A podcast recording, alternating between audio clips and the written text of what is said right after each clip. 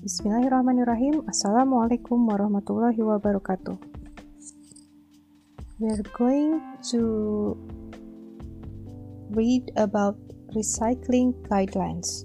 What you need to know about recycle more effectively. Okay, a successful recycling program is depend on the proper participation on of many.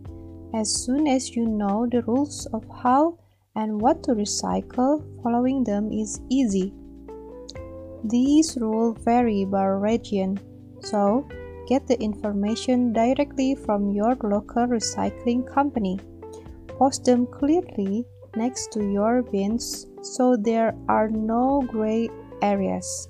Some recycling programs make it easy by not requiring you to sort, picking up every week and including a wide, a wide range of plastics and other materials in the recycling bin.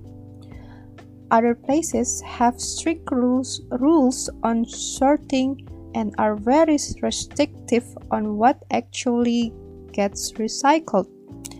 As a general guideline, be sure to rinse out all containers before putting them in the recycling bins.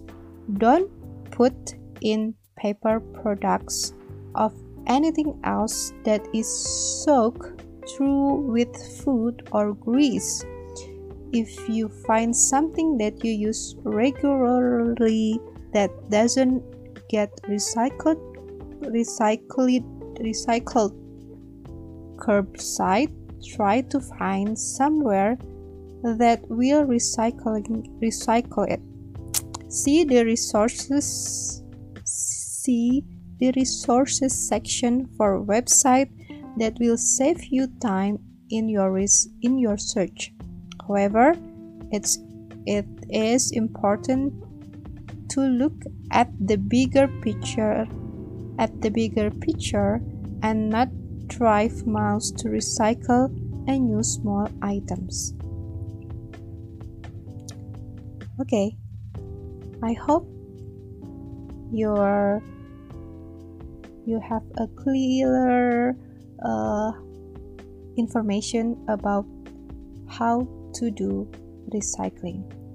On the next episode, we are going to to discuss to read how to recycle plastic, paper, and metal.